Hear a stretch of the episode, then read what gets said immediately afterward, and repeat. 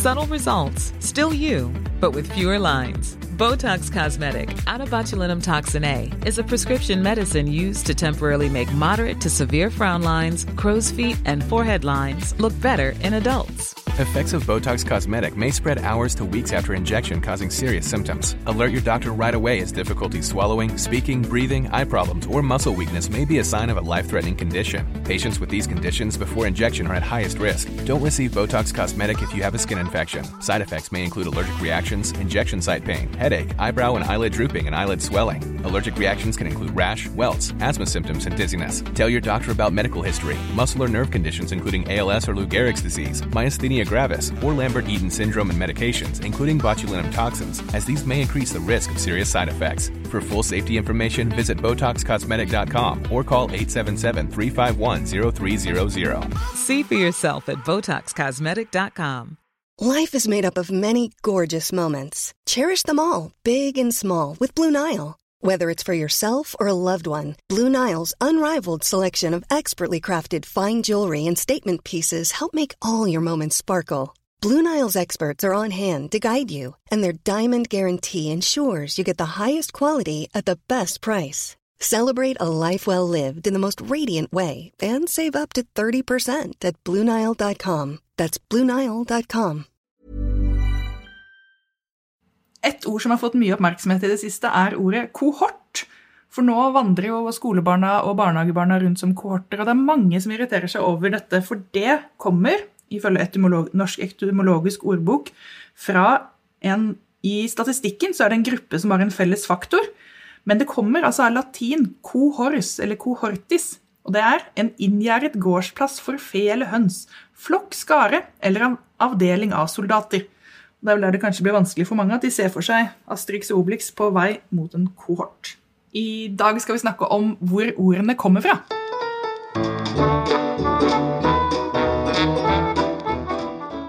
Jeg syns det er rart å tenke på at alle ord vi bruker, har en uh, historie. Altså På et eller annet tidspunkt så har ordene oppstått.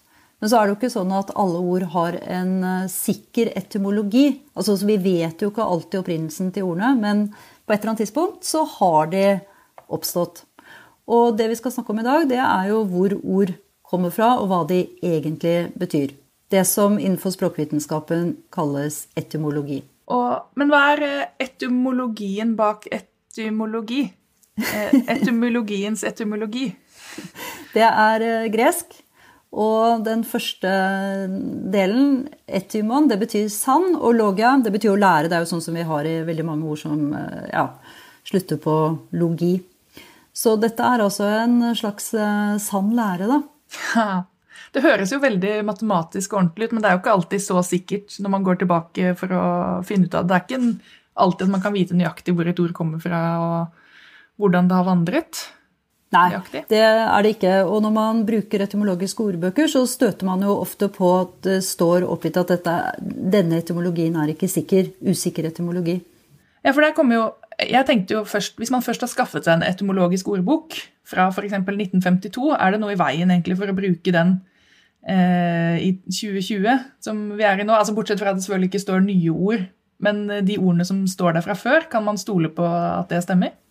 Det skjer nok ting innenfor den etymologiske forskningen som i alle andre deler av språkvitenskapen. Så skal man være virkelig oppdatert, så bør man kanskje ha aller siste utgave av eh, alle de etymologiske ordbøkene. Men vi kommer nok ganske langt, i hvert fall med vanlig ords etymologi i eh, også gamle ordbøker.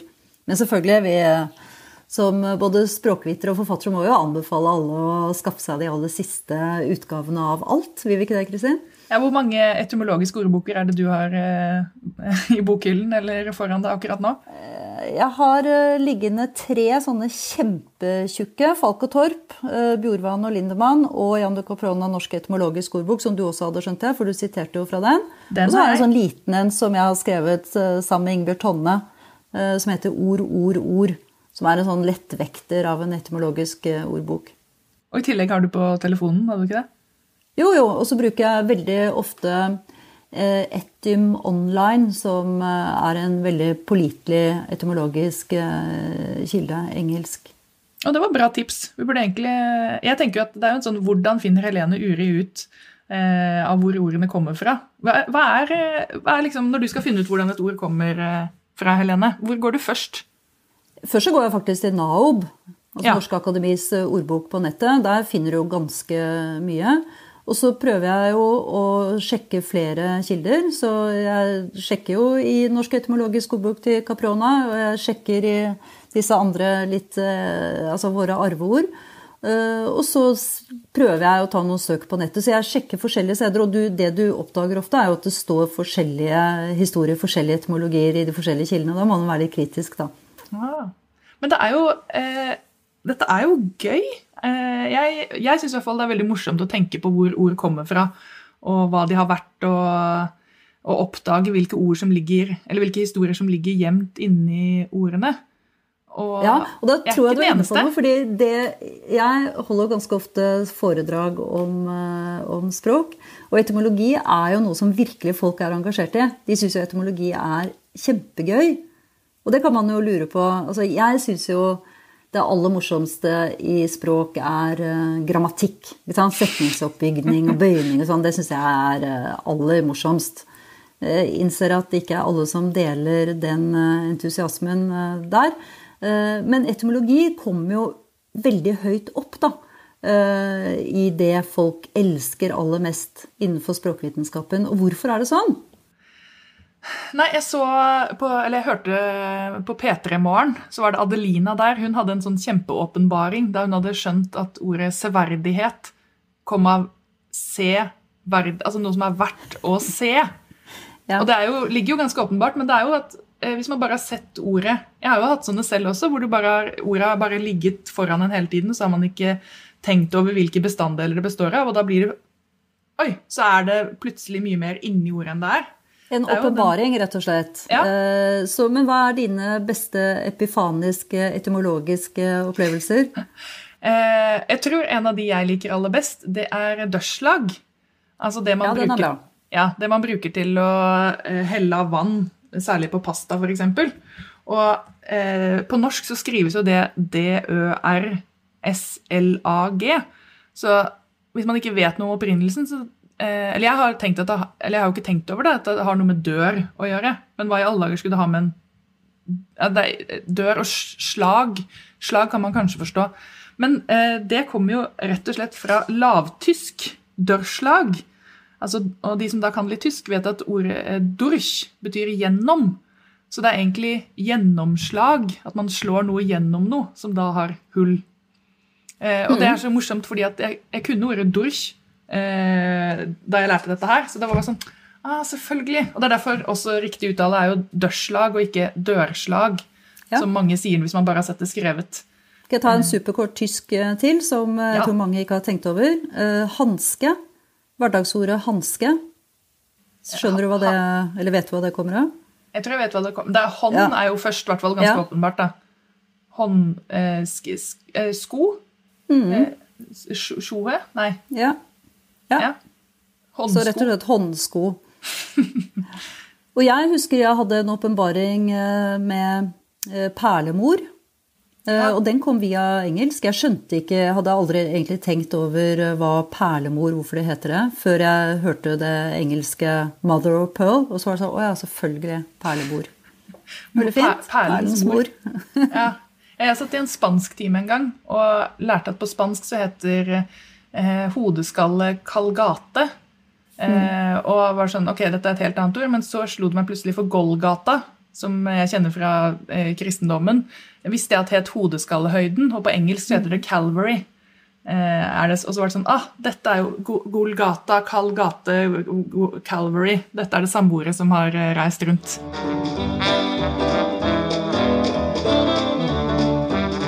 Hvis vi ser på ord som eh, hvalross og røsling, så henger de to ordene sammen.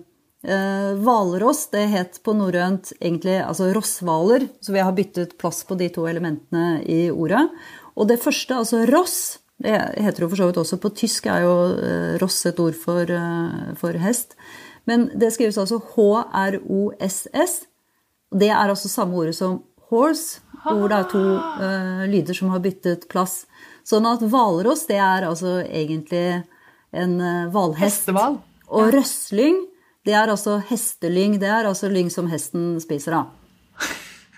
Altså, nå skulle vi ikke ha laget podkast, men film. For dette, egentlig så er det bare at eh, jeg og produsenten David sitter med sånn ah, aha, ansikter. Det gjør seg ikke så bra på lyd.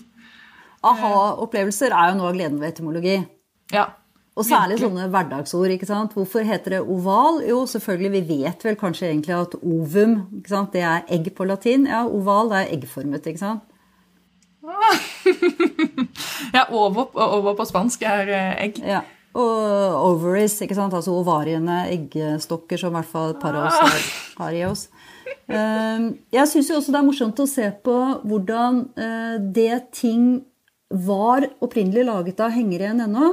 Altså Ja. Et sånt helt enkelt ord som glass, altså det vi drikker av, det heter jo glass fordi det er det materialet det ble laget i. Og det kaller vi det selv om vi drikker av et plastglass, så kaller vi det glass. ikke sant? Eh, hva med engelsk eh, spoon, altså skje? Hvorfor heter det det? Hva var det laget av opprinnelig? Sponge. Nei, Veldig dårlig skje å bruke en svamp. Nei, men tenk at du spikker den skjeen. da. Du lager den av tre, ikke sant? Samme Ja. ord som du har i trespon. Så spoon på engelsk er samme ord som vi har i spon. Norsk. Ah, det bare en sånn evig rekke. Jeg hørte på eh, podkasten Tyskerne, eh, som jeg Ja. anbefaler veldig. Og der har de også eh, Hver episode så har de et ord eh, fra tysk som de da forklarer inn. Og i den episoden som jeg hørte, så var det da 'schmerzengelt' som de snakket om. Og det er et eh, tysk ord som man sier eh, altså sånn ja, nå gjør jeg en kjip ting, men jeg får smertsengelt. Jeg sitter barnevakt for disse kjipe barna, men jeg får mine smertsengelt. Ja. Og så fant jeg ut at det kommer eh, faktisk Eller først så tenkte jeg at det var litt sånn gateslang, eh, for det kan nesten høres det ut, men det er eh, fra det juridiske at man har smertsengelt, Så det norske ordet for det, som de også da sa i podkasten, det er kanskje betaling for tort og svie. Eh, og da begynte da ble, det, da ble det jo latter der av Kai, som er tysk. Han hadde aldri hørt tort og svie før, så da måtte de finne ut hva det kom fra. Og eh, for de da som For svie skjønner man jo at det, ja, noe som gjør vondt. Men tort det kommer da fra fransk tort, urett, skade, mein, og er avledet gjennom middelalderlatin tortum. Eh, som det betyr også at det faktisk er sammenheng med tortur og retorsjon og torsjon. Og da fikk jeg en liten aha-opplevelse, for den vanlige måten å si 'jeg tar feil' på på fransk heter jo 'jetor'. Ja. Jeg har tort. Jeg har feil. Mm. Ja, jeg har, mm. det er min tort. Ja.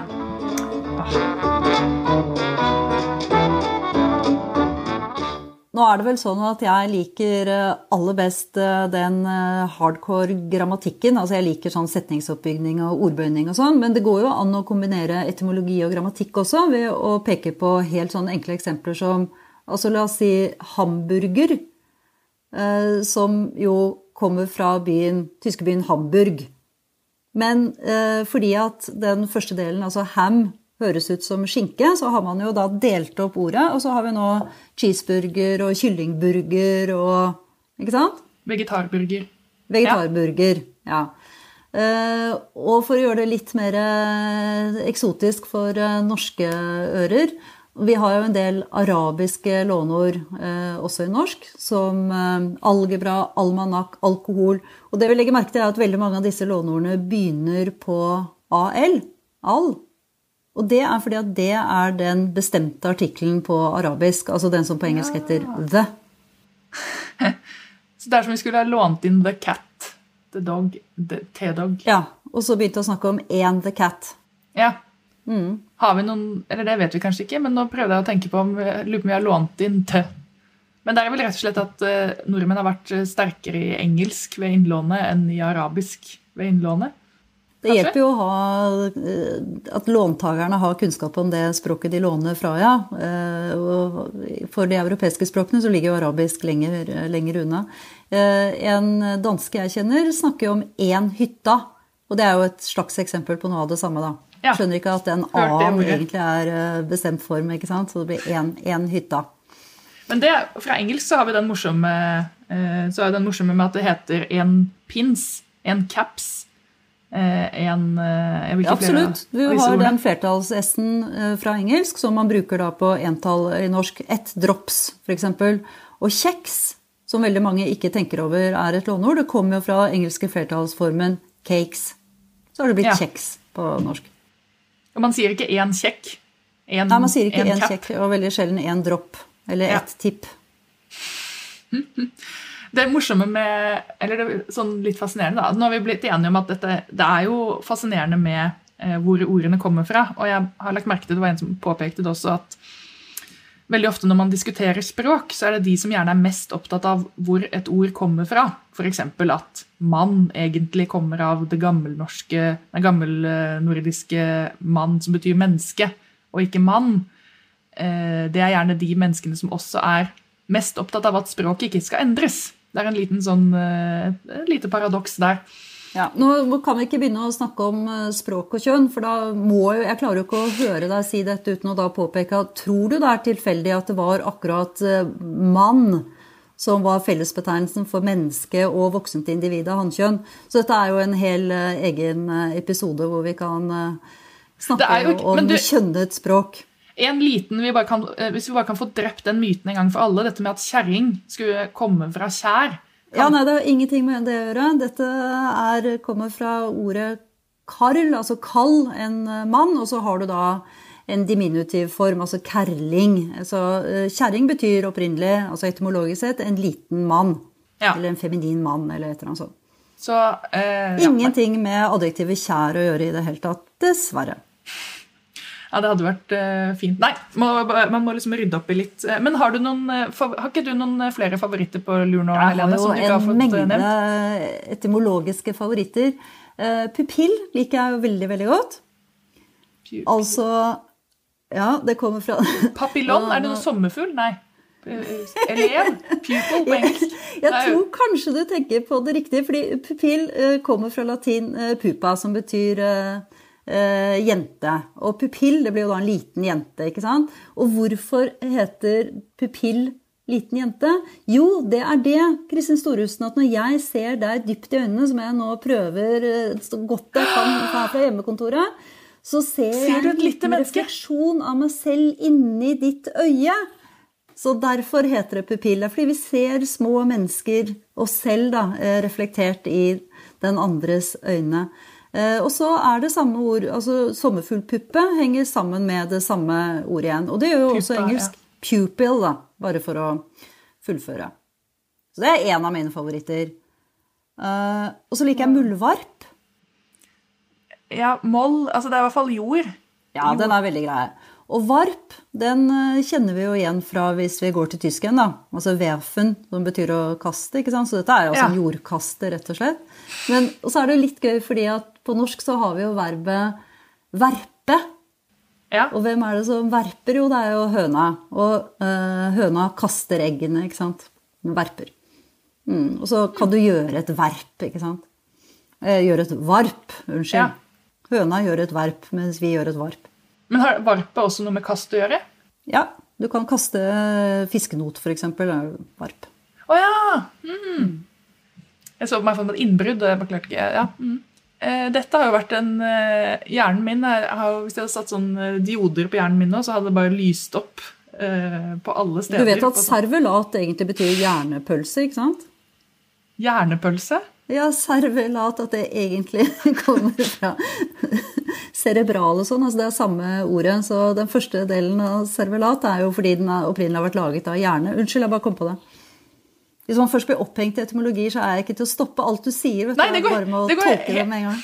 Men det, det, er veldig fint, for du har, har, jo skrevet litt om det i den 'Hoppe etter ruccola', den boken som har kommet nå. Så er det også noen sånn språkopprinnelse. Og det som jo vel er tydelig, er at hvis man vil bli eh, en, eh, et midtpunkt i i festlivet. Ja, Nå er det ikke noe selskapsliv lenger å ta av, men hvis man vil eh, generelt kunne underholde sine venner på Zoom og andre steder, så er det å lære seg litt etymologi. Jeg hadde da f.eks. lest den boken og lært at eh, bacon kommer jo av det samme som back, eller bak, altså ryggen, fordi at det er ryggen på grisen som brukes til bacon.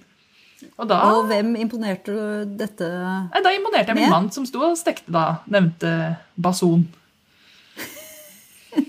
Så dere, det var ikke sånn at dere begynte å henge dere opp i uttalen. Jeg tilhører jo et slags mindretall i dette landet som tror det heter bacon, nemlig. For det er jeg opplært til. Ja, nei, Vi ser for mye på YouTube til å kalle det bacon. Nei, så Det er jo et tips da, hvis man eh, vil underholde sine venner, så er det å skaffe seg én eller flere etymologiske ordbøker. Sitte kveld etter kveld og lese, og så kunne formidle historier og anekdoter. For dette her er kjempefascinerende. Eh, men, Hvis du har NAOB på telefonen, naob.no, eller bare går inn og slår opp, så kommer du veldig langt med etymologier som imponerer selskapslivet. altså. Veldig så du behøver ikke å drasse med deg de bøkene som veier mange mange, mange kilo. De kan man ha i bokhyllen hjemme, og så kan man gjøre litt sånn research før de store selskapene. Men ellers så kommer du ganske langt med, med mobilen din. Mobil, veldig... ikke sant? Fra latin 'movere', flytte seg. Men dette vet vi jo. Jeg tror vi må, Nå må vi mute Helene før det går helt over stokk og stein.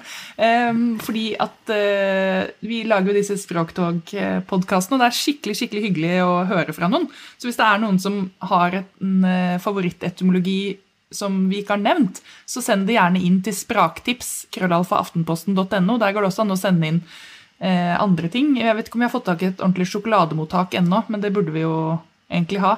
For det er veldig hyggelig å høre fra fra alle som hører på. Og dere kan gi oss stjerner i iTunes og andre steder, tror jeg. Og tips gjerne om oss til venner. Tips, ikke tipp. Eh, gi gjerne ett tips til venner. Eh, dette, Men Kristin, ja. Kan du ikke servere avokado til den baconen neste gang? For du vet at avokado Litt usikker etymologi, men det kommer jo trolig fra det indianerspråk som heter nuatel og betyr testikkel. Og det syns jeg gir en ekstra glede når man kjenner på avokadoene for å kjenne om de er modne. Produsent for denne podkasten er David Bekoni, og ansvarlig redaktør i Aftenposten er Trine Eilertsen. Vi tåkes.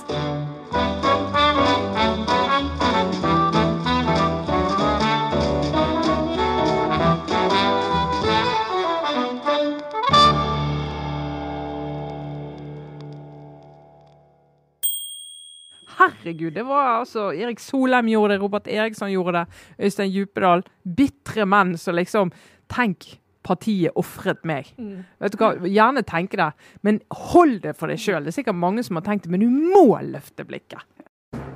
I Aftenpodden går vi gjennom det største og noe av det minste fra norsk politikk og samfunnsdebatt den siste uka. Det er Line Eilertsen, Lars Klomnes og Sara Sørheim hver torsdag. Last oss ned der du finner podkastene dine.